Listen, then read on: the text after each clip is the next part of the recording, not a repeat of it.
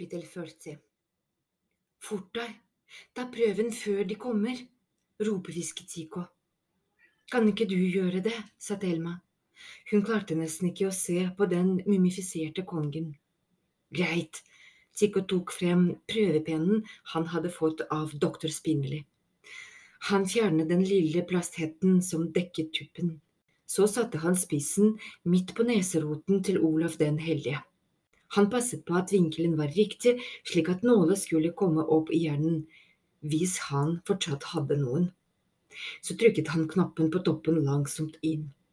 Han kjente et trykk i hånden og hørte en kvalmende knaselyd idet nålen trengte seg gjennom skallen. Så ventet han noen sekunder til han hørte et lite bip. Prøven var tatt, og nålen hadde trykket seg inn igjen. Tico satte hetten på tuppen og puttet pennen i sidelomma på buksa. Den bør du ikke miste, sa Thelma. Du har kanskje hele menneskehetens fremtid i lomma. Jeg bør vel knappe den igjen, da, sa Tico.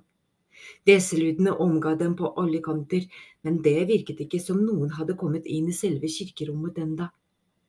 Vi må ta den samme veien tilbake, det er den eneste sjansen vi har. Kommer du? sa Thelma. Ja, jeg skal bare, sa Tico. Forsiktig prøvde han å lirke sverdet ut av fingrene til Olav den hellige. Unnskyld, men du er allerede død, og vi trenger det mer enn deg, sa Tico. Tico, hva driver du med? Thelma hørte at zombiene var nærmere nå. Hun kunne høre skrapelyder og dunking også. Hun kikket seg rundt, prøvde å finne ut hvor de kom fra. Lystrollen landet på en tredør Døren dirret, i glippen mellom dører og gulvet kunne hun se de råtne tærne deres som virvlet oppstøvet. Hun snudde seg og så at det var en identisk dør på motsatt side. Også der prøvde de å komme seg inn. Tigo klarte å frigjøre sverdet og dro det opp. Det var langt. Og selv om det var litt rustent her og der, virket det fortsatt sylskarpt. Han holdt det opp og studerte ornamentene som var risset inn. Tico, vi må… Tico tok sverdet og skar en liten flikk av skjegget til Olaf. Han hadde rett, sverdet var skarpt som et barberblad. Thelma så på ham med et blikk som sa hva driver du med? En liten suvenir, sa Tico og puttet skjegget til lomma. Så løp de tilbake samme vei som de var kommet.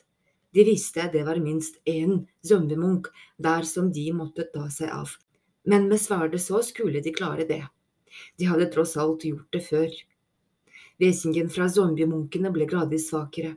Så snart de kom litt høyere opp, kunne de sikkert få kontakt med Cassandra og Halva igjen. De kom til å overleve. Men så kom en annen følelse snikende, en følelse av at noe likevel ikke stemte. Det var denne veien de kom, eller? Hadde de passert gitterdøren som de låste? I så fall betydde det at zombiene som var der, hadde funnet en annen vei. Skulle ikke korridoren svinge til venstre et sted? Eller var det kanskje høyre? Alt så helt likt ut. Stein, stein, stein, og en og en annen gitterdør som også var helt like. Så delte korridoren seg i tre. Der visste de det. Her hadde de ikke vært før. Dette var ikke veien ut. De stoppet. Så hva gjør vi? gispet Tico. Han var så andpusten at han nesten ikke klarte å snakke. Vi kan prøve å løpe tilbake inn til kirken, sa Thelma. Så hørte de hvesing bak seg. Eller ikke, sa Tico. De valgte korridoren til venstre. Den fortsatte i alle fall oppover. For hver skritt de tok, kom de nærmere overflaten. Men korridoren delte seg enda en gang. De virret frem og tilbake, lyste nedover gangene, prøvde å høre hvor zombiene var, men alt var så forvirrende. Hadde de løpt ring? Plutselig var det ikke lenger i en korridor, men et rom. I et hjørne var det en peis, det var en benk der med krukker og noen rustne jerngryter. Det kunne virke som et gammelt kjøkken, men det var ingen annen vei ut. Det var en blind vei, de var fanget. Nå må vi ikke få panikk, sa Thelma. Hun sa det mest til seg selv. Vi finner en løsning. Så skrudde de av lampene på hjelmene sine og satte seg tett sammen i kroken lengst unna døråpningen. De lyttet. Zombiene tasset gjennom korridoren lenger nede. Slik sa de i en time, kanskje mer. Thelma kjente hun var tørst, men vannflasken var tom for lenge siden. Tico sin også. Hvor lenge kunne man klare seg uten drikke? De sank ned på gulvet oppgitt. Først nå kjente de hvor slitne de var. Det verket i alle musklene, det rumlet i magen av sult. Hvor mange timer hadde de vært her nede i mørket? To? Fem? Det var umulig å si.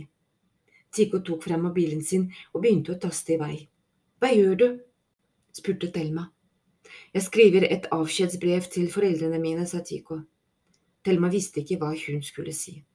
BH kommer sikkert til å finne oss før eller siden, sa Tico.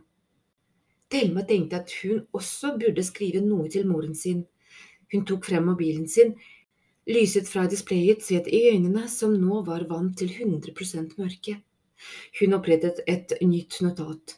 Men hva skulle hun skrive? Kjære mamma, hvis du leser dette, betyr det at… Nei, det ble rart. Hun visket det ut, prøvde å finne på noe annet. Mens hun satt og grublet, oppdaget hun noe i displayet på mobilen. Hun hadde signal. Det var bare én strek, men hun hadde signal. Tico, se, hvisket hun og holdt mobilen mot ham. Jeg har signal. Nei, du har ikke det, sa Tico. Jo, sa Thelma. Hun så på mobilen igjen.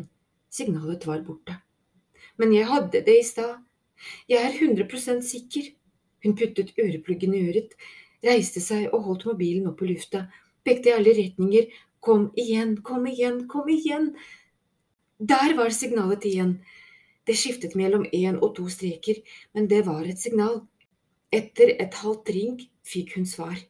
Delma, det var Cassandra. Delma var så lettet at hun begynte å gråte. Klarte ikke å la være.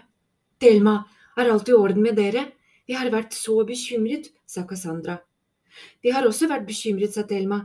Det skjer helt sinnssyke ting her nede, men vi fikk tatt prøven. Nå hørte de stemmen til Johanna. Det er fantastisk bra jobbet, sa hun.